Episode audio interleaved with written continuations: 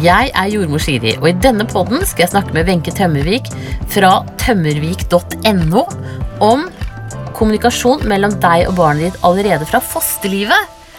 Det er jo tidlig, tenker jeg. at Man er ikke vant til å tenke så tidlig. Men nå skal du få presentere deg selv litt først. Jeg heter Janne Wenche Tømmervik og har eh, helt siden jeg har vært eh, barn egentlig vært opptatt av kommunikasjon og hvordan vi, vi snakker eh, sammen, og hva ord fører til. Ved siden av det så er jeg veldig intuitiv, slik at mange er, og så at dette bygget seg opp fra veldig tidlig stadie. Jeg har jo da som behandler eh, sittet og jobbet med mange voksne mennesker som er utslitte av ulike, ulike, årsaker, og så tenkte jeg hvorfor sitter jeg her og reparerer 45-åringer? Ikke sant? Hvorfor kan vi ikke ta disse problemene helt fra starten av og bygge grunnklossene riktig? Mm. Og som behandler da, så Som sagt så snakker jeg da med fryktelig mange mennesker fra forskjellige livsfaser og i forskjellige livssituasjoner. Og det jeg la merke til, var at litt sånn freudiansk at veldig mye stammet fra da man vokste opp, og veldig mye av det ordløse. Mm, altså Den fra før man har fått språk? Nettopp. Så, men når vi kom inn på de fasene, så var det bare følelser, og folk satt bare og gråt uten å ha verbalisert ordene. Ikke sant? Så jeg skjønte ganske tidlig at det var en, en form for mangel på forståelse at kommunikasjonen starter før ordene. Ja. Og det, det er jo noe vi på en måte ikke er helt vant til å tenke, da. Vi har i hvert fall ikke lært opp til å tenke på den Nei. måten. Så jeg vet jo mange mammaer som snakker om dette med at eh, la oss si de har gått gravide under, eh, under juletiden, og så har de gått hjemme og så pyntet litt og sunget julesanger og sånne ting, og så viser det seg da at babyen senere blir veldig glad i julesanger. Ja. Så sitt spesiale. Ikke sant? Ja. Ja. Og jeg vet også det fins forskning på at babyen gjenkjenner musikk som har vært spilt rundt i det miljøet hvor, eh, hvor mor har, eh, har beveget seg, rett og slett. Mens hun har vært gravid. Nettopp. Ja, for det er jo sånn at eh, det indre og det ytre øret hos babyen vokser jo sammen rundt uke 16 allerede, så fra da så kan de jo høre eh, hva som foregår utenfor, da. Eh, eller altså, de hører jo ikke sånn ord for ord på den måten, men de hører jo lydene. Og det går enda mer intelligent enn det. Ja. Det går på intensjon. Å ja. Mm. Så mange ganger kan vi høre noen si noe til oss, og så tenker vi mm, det der føltes ikke helt riktig. Man får en liten sånn vibrasjon i magen, eller en liten sånn klump i magen, og tenker at her var det et eller annet som ikke stemte. Men så er vi så trena på å skulle lytte til ord, og så glemmer vi litt magefølelsen, og så går vi i fella. Så, så du tenker da at, at babyene de, de opererer på en måte mer med mavefølelsen, de da? Absolutt. Ja. Og jeg sammenligner kommunikasjon med det som dyrene også har med oss. Ja. Det er den samme språkløse og ordløse kommunikasjonen, selv om det er en del dyr som bruker lyd, så er det den samme formen for, ko- for kommunikasjon der. Den eh, forrige hunden min, han var helt ekstremt. Hvis det var et menneske som var ustabilt eller eh, brukte stoff, så sto han foran eh, Vi kunne gå gjennom, eh, gjennom Oslos gater, og så stoppet han ca. to meter foran denne personen, og så ga han fra seg tre bjeff. Vaff, vaff, vaff. Nei. Mm. Og først så tenkte jeg at det var tilfeldig, helt til jeg begynte å legge merke til at dette var faktisk et mønster. Jøss. Og han var aldri aggressiv overfor det eller noen sånne ting, eh, men han gjorde det samme overfor for hunder også, som eh, snappa. Ah. Så jeg oppdaget når vi var i en sånn eh, hundelekeplass, et sånt hundededikert område, eh, at han også markerte hvilke hunder som eh, ville snappe. Å ja, så rett og slett liksom hunder og personer som han ikke stolte på, de, de noterte han seg? Han sa fra til meg at disse er ustabile, Å ja. og så gikk han bare et stykke unna. Ja. Og vi ser jo det på, på babyer også, at det er noen mennesker som de reagerer veldig sterkt på, mens det er andre mennesker som de smelter helt for med en gang, for de har helt andre vibrasjoner, uten at det er sagt noe eller gjort noen ting Nei. på forhånd. Ofte så tror vi at det har noe med skjegg å gjøre, eller altså, stemmer eller noen sånne ting, men det har ikke det. Det har rett og slett med den hjerte, hjerteenergien, altså. Ah, ja. Så det som skjedde, nå har jeg jo brukt mye meditasjon eh, selv de siste årene, og da er jo en del av den jobben vi gjør for å bli bedre kjent med oss selv, er jo å forstå hva har vi med oss i underbevisstheten vår. Ja. Hva har vi med oss? Det er ikke alt som er traumer, for det fins heldigvis bra ting også. Ja. Men det er det å minne seg på disse bra tingene, da, for vi glemmer dem litt bort i hverdagen. Så når jeg satt og jobbet med en av disse meditasjonene, så hadde jeg da lukket øynene, jeg satt helt rolig, og så plutselig kjente jeg selv at jeg, akkurat som jeg skvalpet, akkurat som jeg satt i et eller annet som beveget seg, men med vann. Og så hørte jeg den derre da-da-da-da-da-da, den Mendelssohn, den bryllupsmarsjen, ja. ja. Og så, akkurat som den pantereklamen, vet du, så så jeg et sånt hull foran meg, og da så jeg inn i en kirke, og så plutselig forsto jeg at dette var min opplevelse av å være med på bryllupet til min mor og far ah, ja. i ja. For hun var da gravid med deg. Nettopp. Så eh, seks måneder senere kom jeg, så det var vel litt sånn De måtte knapt om tiden. seg. Den gangen så måtte man jo det. Ja. I dag har vi heldigvis andre valg. Så Og da hørte jeg hennes stemme. Og jeg hørte hennes stemme klokkeklart, ikke noe babypludring eller noen små ord eller gaga giga gogo eller noen sånne ting. Jeg hørte hennes stemme komme til meg som sa denne mannen kan vi ikke stole på, her må vi gjøre alt selv, Hei. han holder ikke avtaler. Nei. Da var pappa 24, mamma var knappe 20. Oi. Og de ble kanskje ikke gift så lenge? De ble skilt, ja. Ja. Det som kanskje var det enda mer såre, det var jo at det var det forholdet jeg hadde til pappa hele livet. Ah. Vi har aldri direkte skadet hverandre, eller aldri vokst opp i noe hjem som på en måte kvalifiserer noen barnevernssituasjon, men det var den der lille avstanden. At jeg følte at jeg ikke kom nære han, at jeg følte at det var et eller annet lite sånn svik som lå der, at det, det var denne avstanden som jeg aldri forsto før jeg da, etter hans død, drev og mediterte og begynte å få disse brikkene her på plass. Så jeg begynte å jobbe med, og da så jeg det på andre mennesker som kom til behandling også, som hadde disse eh, hva skal jeg si, programmeringene, disse holdningene om seg selv. Så så jeg at mange av de holdningene de hadde om seg selv, var ikke deres egne. Nei. De hadde fått med seg mors holdning om seg selv, eller fars holdning om seg selv. Ja. Slik gjør vi det i vår familie. Ikke sant? Og mange steder. Ja, rett og slett. Så, og mange tenker ikke over det der, den der skogen for bare trær-greia, og plutselig når man gifter seg eller man får en partner, så begynner partner å kommentere «Øh, 'Hvorfor gjør dere det på denne måten?' Ja. Og da har man ikke tenkt over det selv, fordi at man er vokst opp med det og tror at dette er normalen. Mm. Så det å ha en partner og tørre å la partner speile en på den måten, er jo genialt. Vi har jo en kjempekjanse til å lære masse om oss selv, og vice versa, da, selvfølgelig. Ja. Så hvis vi ikke er så redd for den speilingen, hvis vi tør å kikke på oss selv, så har vi jo en mulighet til å fri oss for fryktelig mye teit, gammel bagasje. Ja, så da handler det jo om egentlig det at man i et forhold er åpen, da, og ikke tar ting som kritikk og negative innspill, men liksom tenker at liksom Ja, hvorfor uh, sier han det nå, Uh, og foreslår å gjøre det på en annen måte enn det jeg er vant til? At det kan være like riktig. Uh, Ja, rett og slett hvorfor reagerer jeg sånn som jeg ja, gjør nå? Sånn? Stoppe, stoppe opp litt, rett og slett. Fordi jeg hadde vært på et kurs, og, og mens jeg fremdeles var gift, så risker jeg å ringe hjem til han og si at nå er jeg på vei, jeg bruker ca. to timer på veien. Og så tar han telefonen, og så sier han 'jeg har støvsugd', altså. Å ja.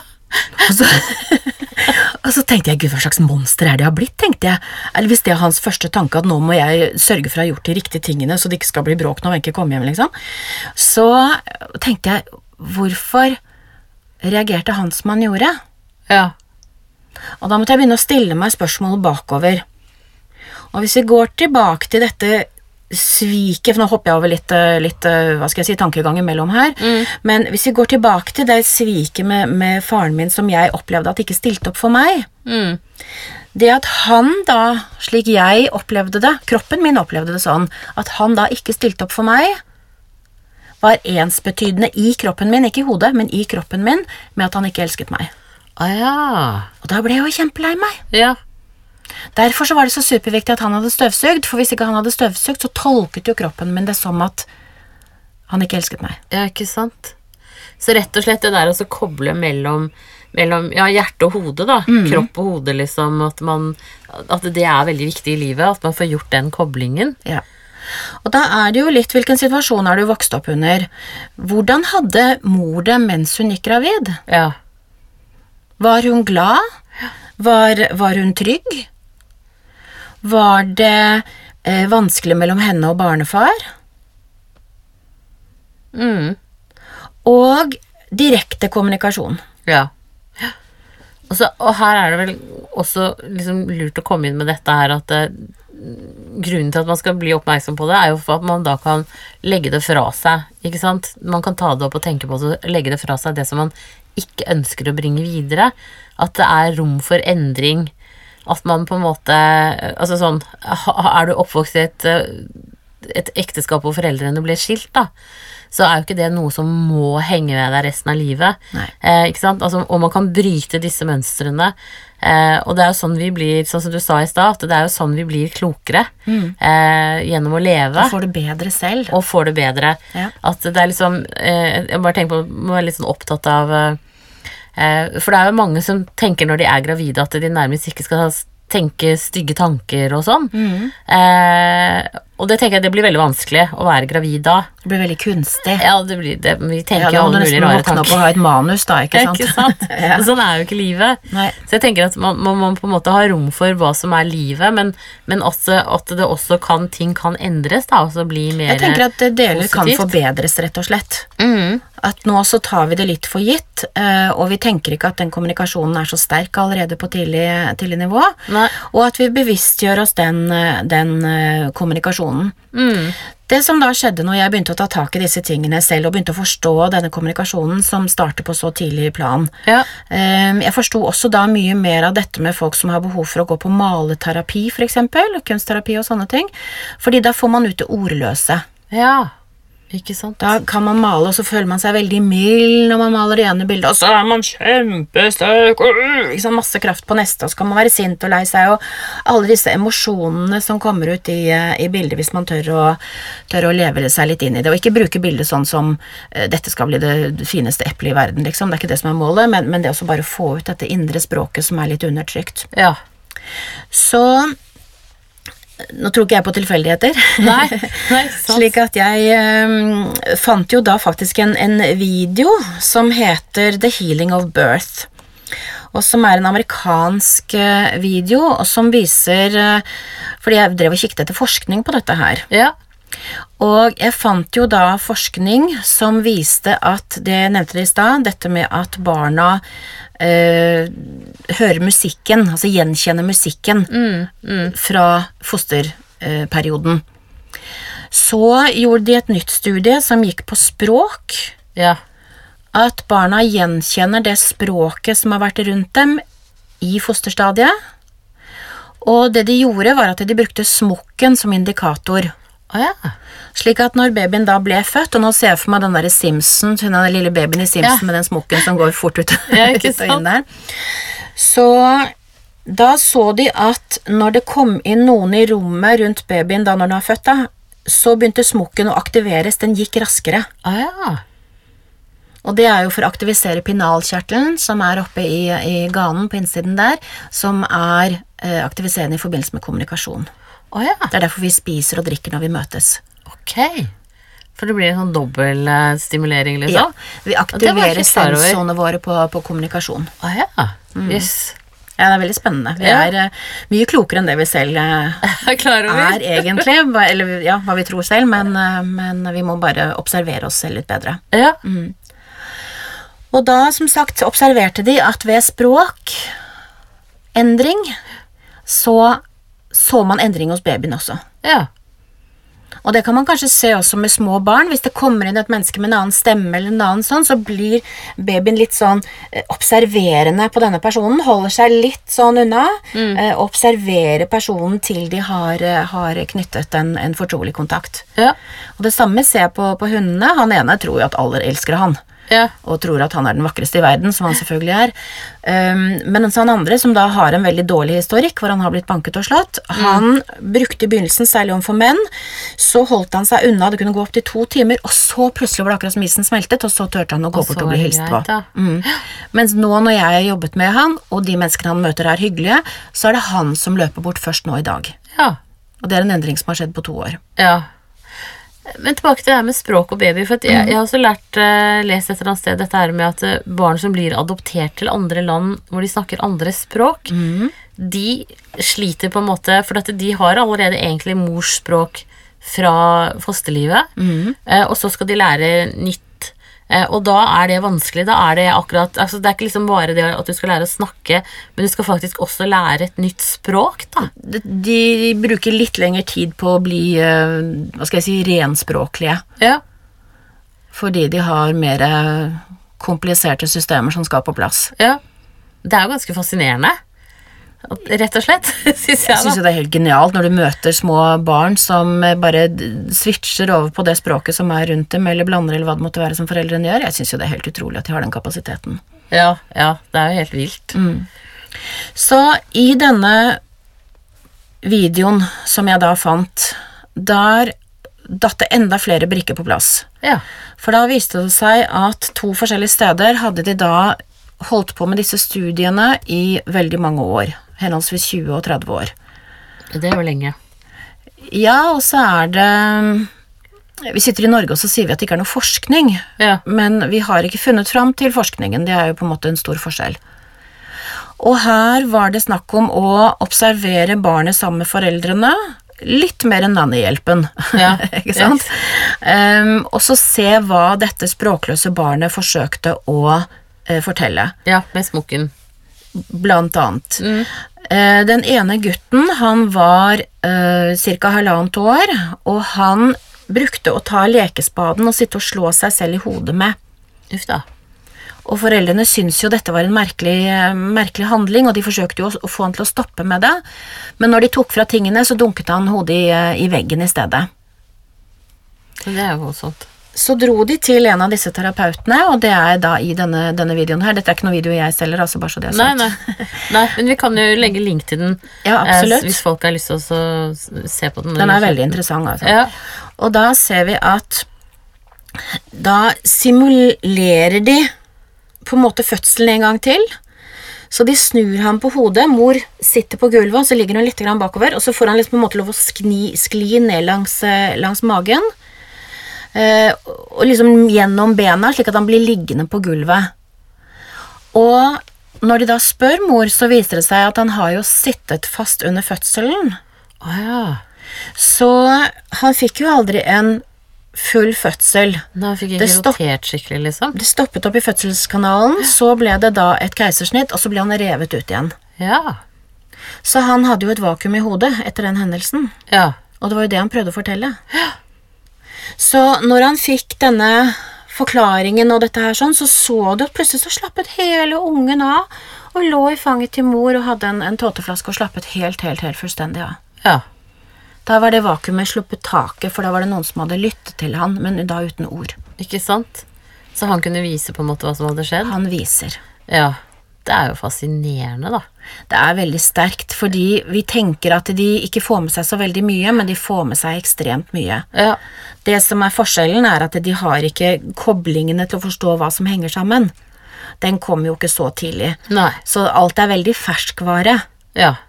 sånn som med en hund. Hvis, hvis hunden har øh, lagt en lort på gulvet da, mens du har vært på jobb, og så skal du kjefte på den da i ettertid, så skjønner ikke hunden koblingen, for den er jo ferdig med lorten for lenge siden. ikke ja, ikke sant? Og sånn er det jo også med små barn, at de har ikke de uh, lange koblingene. Det er veldig sånn her og nå-følelse som de har. Mm. Vi har faktisk sett på YouTube ja, en film med voksne som eh, simulerer sin egen fødsel. Altså at du, de gjør de kroppsbevegelsene, da. Eh, som, som det de hadde i fødselen. Jeg tror de kaller det rebirthing. Ja, det er det, vet du. Og det er jo litt smak og behag. Noe av det kan være veldig sånn hippieaktig. Ja, jeg skal tilstå at det var Jeg tenkte litt sånn hm. Men altså, folk syns jo at det hjalp veldig. Ja, hvis man tiltrekkes av det, så syns jo jeg det er en, en fin måte å komme i kontakt med den perioden der sånn, fordi at vi kan ikke tenke oss til alt vi har opplevd, vi er nødt til å på en måte erfare det i kroppen. Ja.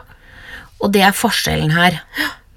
Så man kan godt tenke seg ned og tenke å ja, det gikk bra, og nei, Keisersnitt og mamma sånn og sånn. Altså, man kan godt tenke seg til at, eh, at eh, ja, men jeg overlevde jo, alt er bra.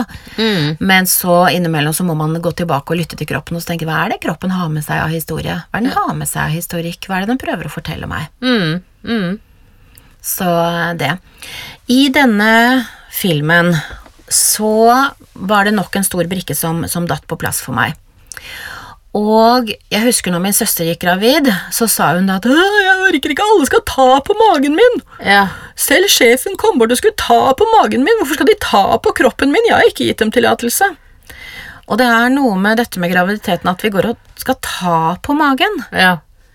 Og det er jo ikke alle som syns det er like ok, av ulike årsaker. Eh, og det er jo ikke alle mennesker man syns det er ok, selv om man slipper inn noen innenfor den komfortsonen. Mm, og så er det jo sånn at komfortsonen for gravide er jo enda større.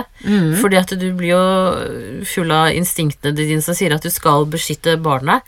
Eh, og sånn at du, du har egentlig behov for kanskje en meter rundt deg. da Ja. Og når folk da liksom tar på maven, så blir det jo altfor nære. Ja.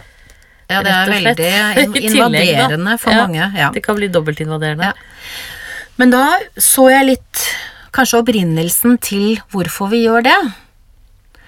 Fordi der var det en dame fra Burkina Faso, og for de som kanskje ikke husker det sånn med en gang, så er det et land i Afrika. Ja. Og hun var en jordmor der nede fra. Og det hun fortalte, var at i hennes landsby, når en kvinne var gravid, sånn etter en gitt tid, hun sa ikke helt uh, hvor lang tid, etter en gitt tid, så samlet landsbyen seg rundt uh, denne damen med magen. Ja.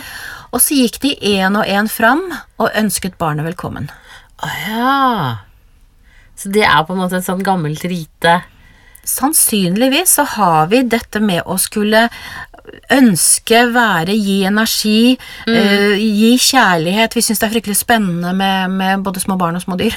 Ja. Og, og vi syns det er veldig eh, ja, sårbart. Det er mye kjærlighet eh, knyttet opp til dette her normalt.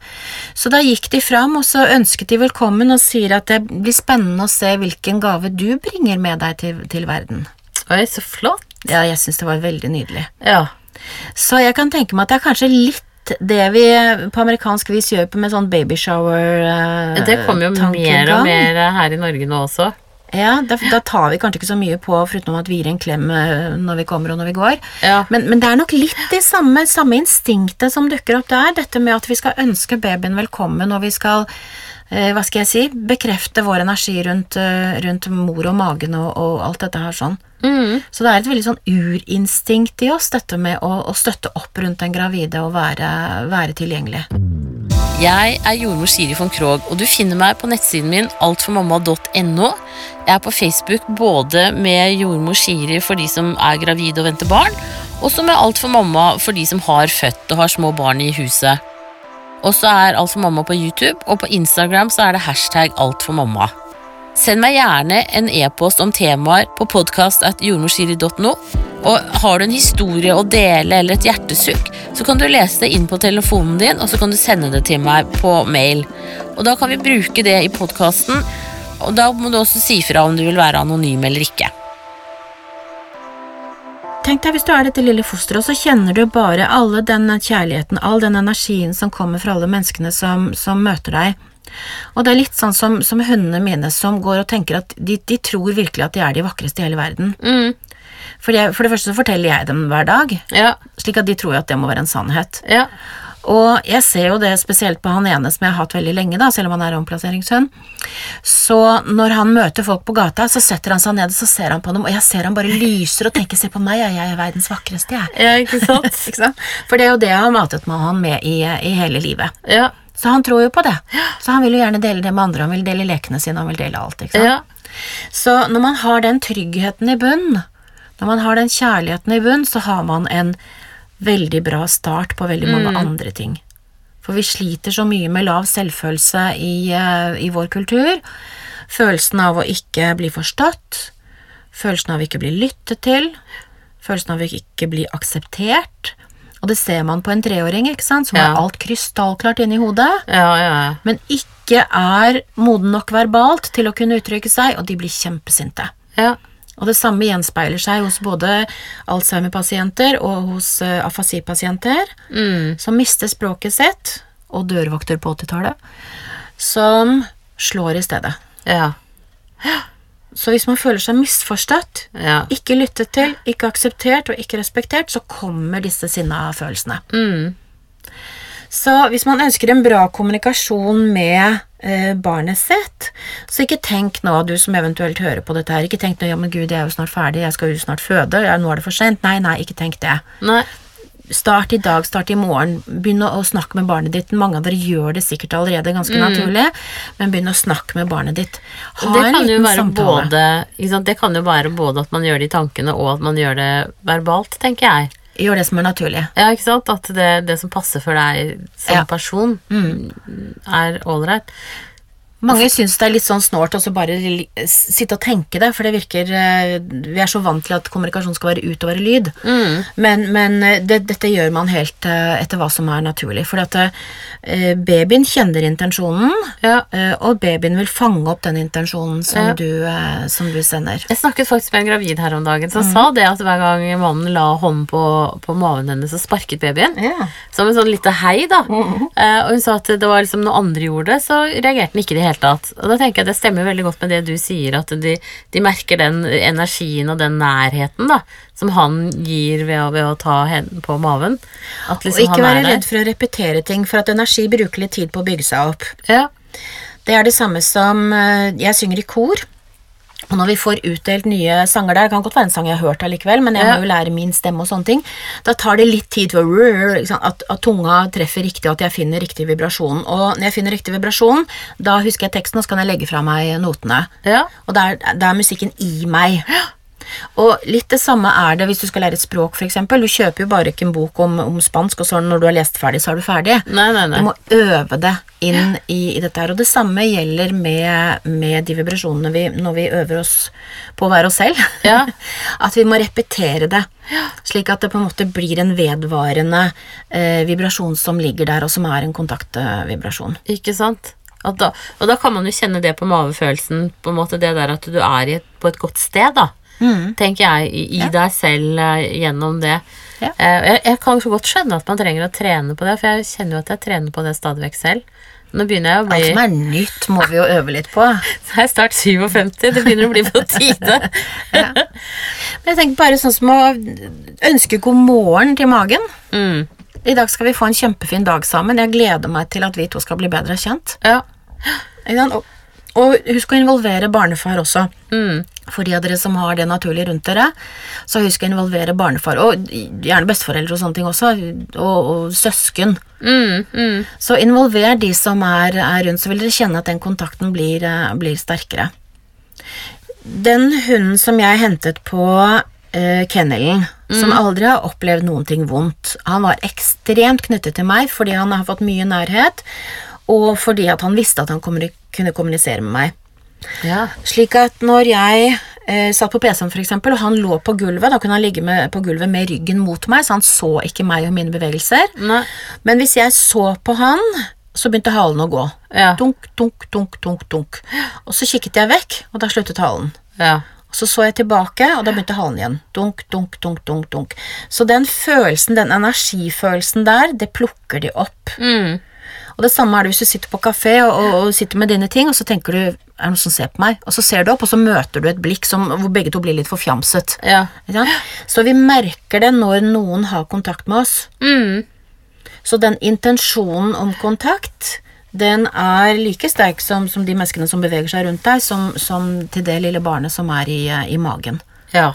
Så intensjonen er det viktigste her, ikke helt hvordan og når og hvilke ord og, og, og sånne ting. Man må ikke være professor i norsk for å kunne klare dette her, liksom. Bare helt vanlige, gode, fine ord, og, og, at dere skal være venner, og at dere skal respektere hverandre, og, sånne ting som er gode vibrasjoner å ha med seg, som å få en sin startpakke, da. Ja, ikke sant?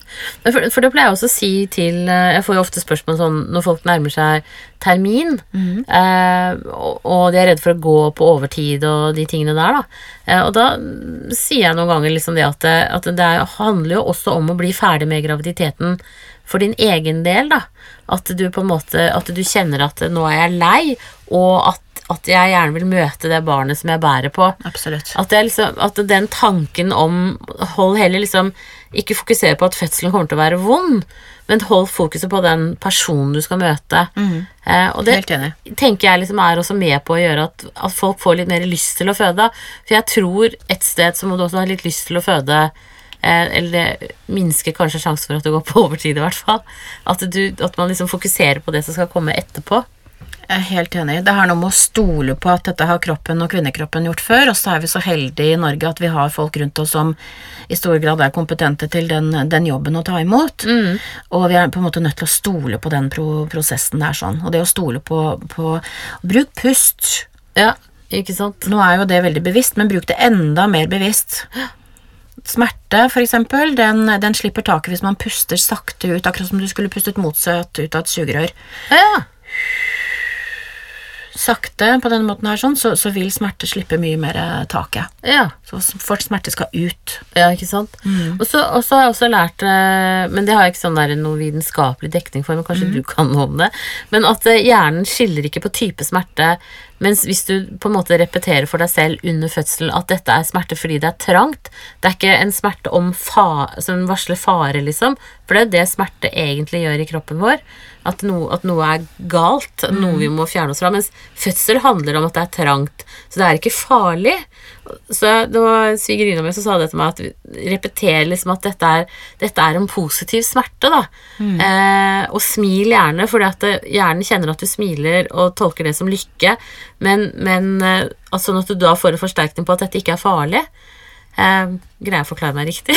Ja, du forklarer det riktig, men jeg tenker at uh, dette er noe man må gjøre før man kommer inn i fødselsrommet. Ja, Hvis ikke så blir det fryktelig mye å huske på akkurat når alle ting skjer på en gang. Altså. ja, ja, ja, klart det. Hva var det Siri sa igjen, skal vi se her, ikke sant? Ja, ja. Så, så dette er noe man må øve seg på å tenke på forhånd. Ja. Jeg tenker at det er en genial måte å fri seg for mange frykter på. Ja. Um, det høres ut som jeg Det blir liksom et parallellspor, men det var en dame som ringte meg, og så sier hun det at eh, eh, Wenche er så redd for å fly, vi skal på ferie, og jeg gruer meg jo mer enn jeg gleder meg. ja. Kan du se noe på det? Og det jeg gjorde da, hun lå på benken slik at hun slappet av i kroppen, og så, ikke noe sånn dyp meditasjon eller noen sånne ting, men jeg snakket henne gjennom, ja, se for deg at du pakker hjemme, se at du drar til Gardermoen, at du, jeg, jeg snakket henne gjennom, for jeg tenkte, hvor er det hun reagerer? ja.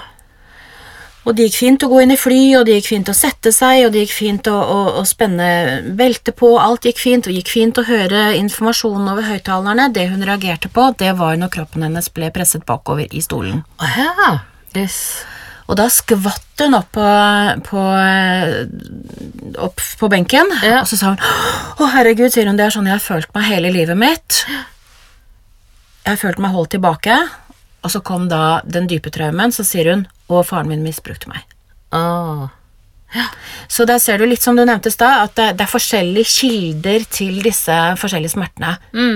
Så nå nevnte jeg jo dette litt alvorlige eksempelet her, sånn, men allikevel, det skapte jo en, en flyskrekk. Som, hvor, hvor skal man tenke den koblingen der? ikke sant? Ja, ikke sant, det men det var den der bakoverfølelsen. Så det også gå igjennom dette her i, i hodet på forhånd og på en måte se for seg nesten, nesten sånn som en løype, Ja. Så tenker jeg at kroppen er så, så forberedt på det. Det går det an å gjøre ordløst med barn også. Ja.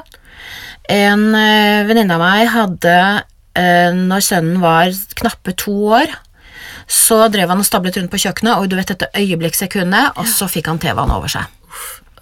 Ja. Og det var en stygg forbrenning, det var inn på sykehuset, Um, og så tenkte hun, hvordan skal jeg forberede ham på det som skjer nå? Så hun satte seg rolig ned, hun var jo på sykehus hele tiden, Ja. hun satte seg rolig ned, og så sendte hun bilder til han, hun sa ingenting, hun sendte bilder til han, som hun da så for seg, nesten som en sånn meditasjonsformfilm inni hodet, Ja. og så gikk hun gjennom det som eh, sykehuset hadde fortalt at de skulle gjøre dagen etter for å, å hjelpe han. Ja. Og da sa sykesøsteren etterpå det var så rart når han eh, var her i dag, fordi det var akkurat som han visste hva vi skulle gjøre. Ja. Så uansett om du skal ut og reise, om du skal øh, gjøre noe som er nytt, altså ikke mm. alt utenom den daglige rutinen. I begynnelsen kanskje bare det å gå i butikken. Ja. Så hvis du vil ha med deg magen, Ja.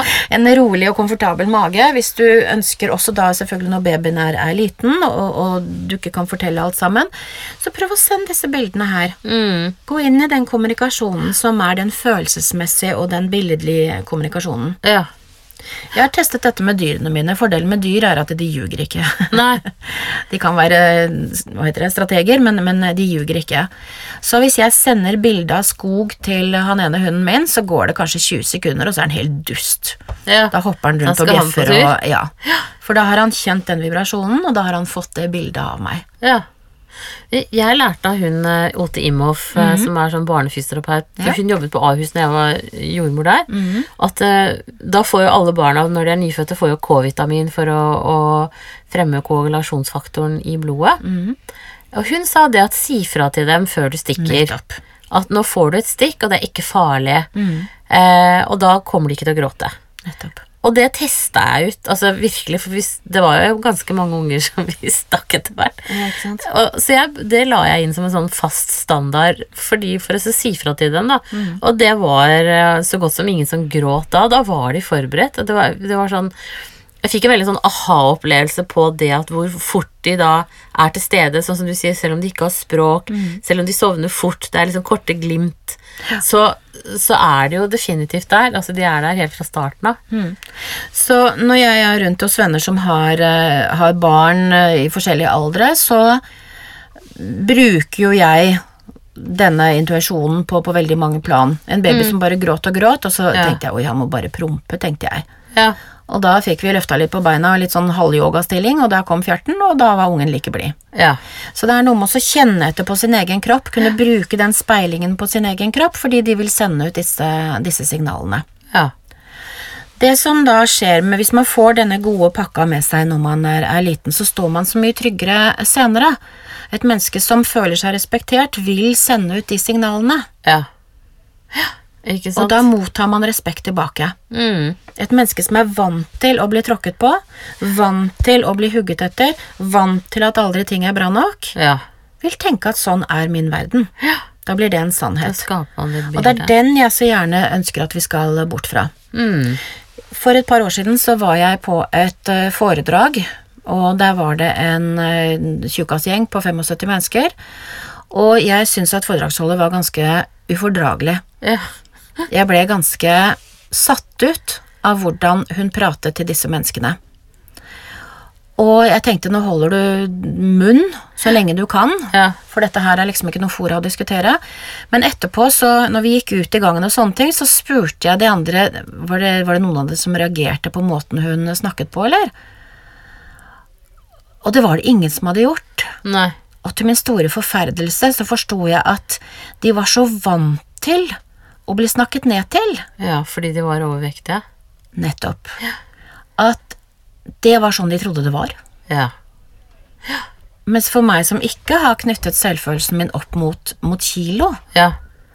så syns jeg det var en svært lite respektfull eh, stemning i den, eh, den salen, altså. Mm.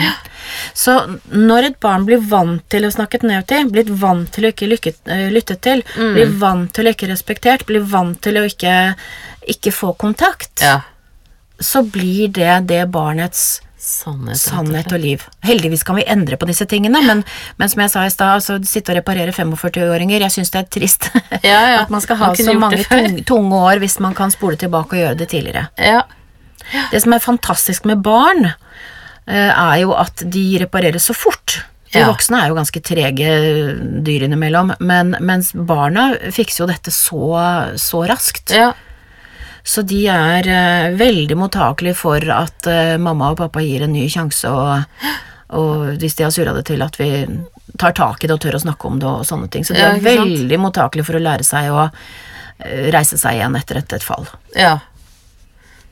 Ja, men det er, jo, det er jo veldig bra, da. Mm. At, liksom, og, og det er jo det som er det gode med, med det å være foreldre også, ikke sant. At man eh, som oftest i hvert fall får en sjanse til. Ja.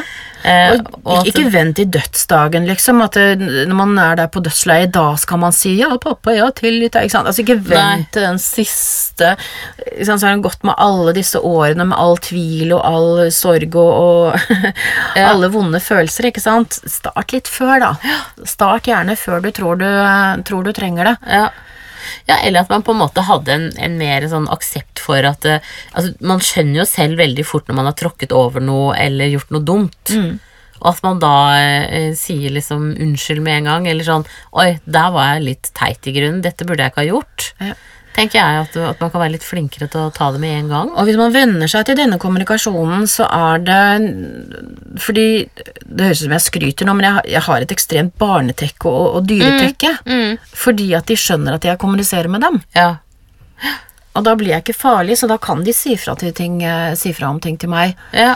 Uh, at de skal ut, eller at de trenger vann i skåla. Liksom. Fordi at jeg prøver å lytte til dem. 'Lille venn, hva er det du prøver å vise meg nå?' ja.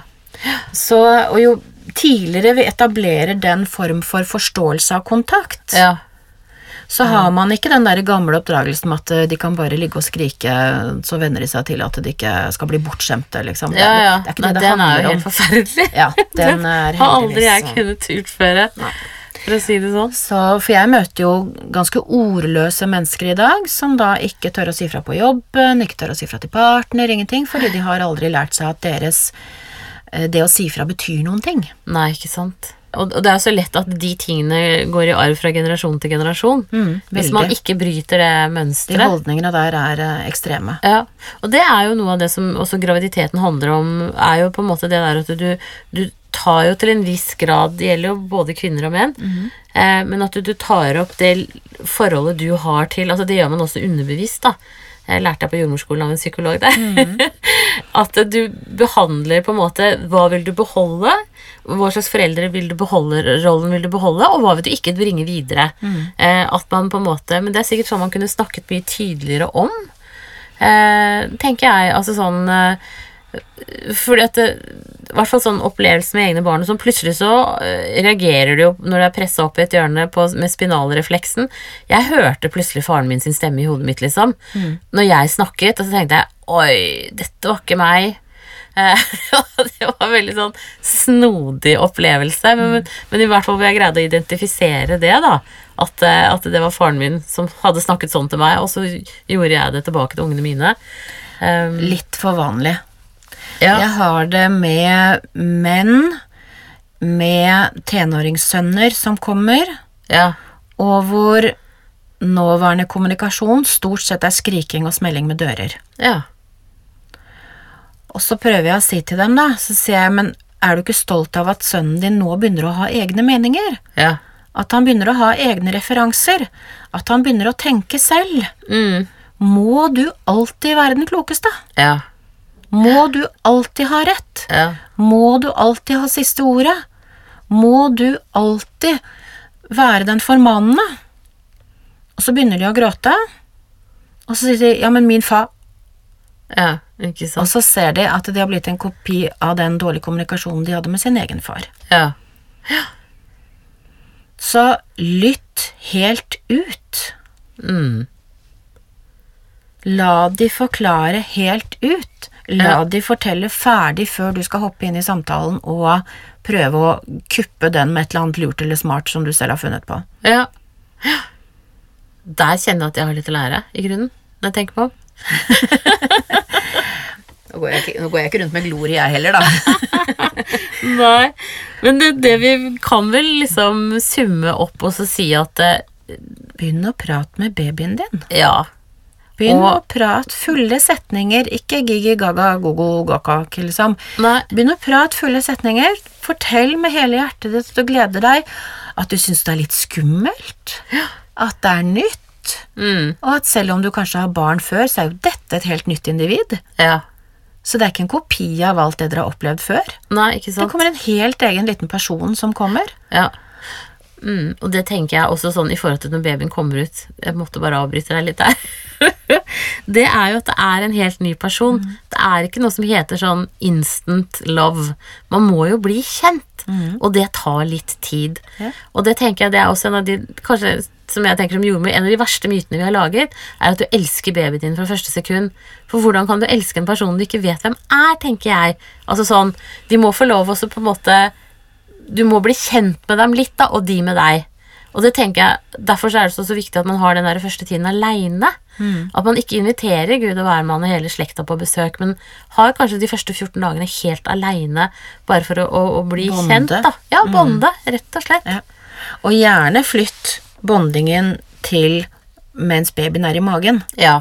Begynn den prosessen så tidlig det føles naturlig for deg. Ingenting, ingen må noe som helst der, ingen skal noe som helst der. Dette er bare et forslag for å lage et godt grunnlag på kommunikasjon resten av livet. ja.